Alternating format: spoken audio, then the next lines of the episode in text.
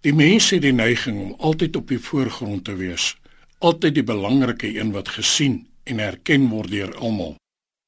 Daar is min mense wat nie erkenning en aanvaarding soek nie. Dit is immers hoe ons geskape is. Ons het behoeftes wat deur ons medemens raak gesien en aangespreek moet word. Ons het dan ook die neiging om hierdie gesindheid oor te dra in ons wandel met die Here. Dikwels soek mense dat die Here hulle moet vergoed vir wat hulle vir hom doen en vir sy dienswerk of reeds gedoen het. Dit is egter nie waarop die Here 'n mens meet nie, maar eerder word ons gemeet aan ons bereidheid om alles te doen asof vir die Here. Wanneer ek dink aan Josef in die Egiptiese tronk, sien ek hom as 'n modelgevangene. Omdat hy vir die Here geleef het en sy hele lewenswandel onberispelik was, het hy die guns van die bewaarder geniet.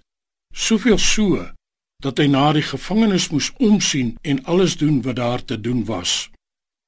Hy het guns gevind omdat die Here met hom was. Hy het nie die eer of die aansien van mense gesoek nie, maar was tevrede om selfs onskuldig in die tronk te wees en daar die lig van God in sy lewe te laat skyn. Geen wonder dat die woord in Matteus 5:16 sê: Laat julle lig so skyn voor die mense dat hulle julle goeie werke kan sien en julle Vader wat in die hemele is verheerlik.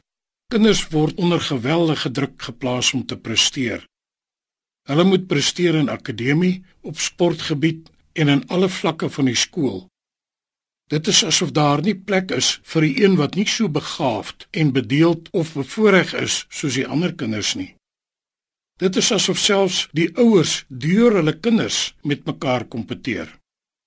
Ek wil julle aanmoedig om julle nie te bekwam vir hierdie lewe alleen nie, maar ook te ywer om die beste te doen vir die Here.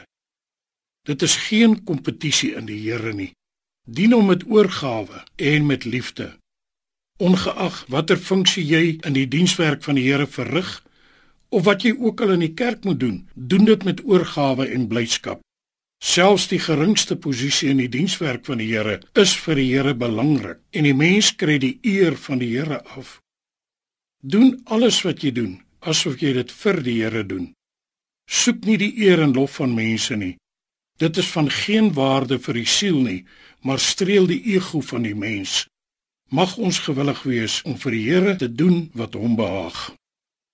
Vader, baie dankie dat U die beloner is van die mense dade. Help my om U gedurig te verheerlik. Amen.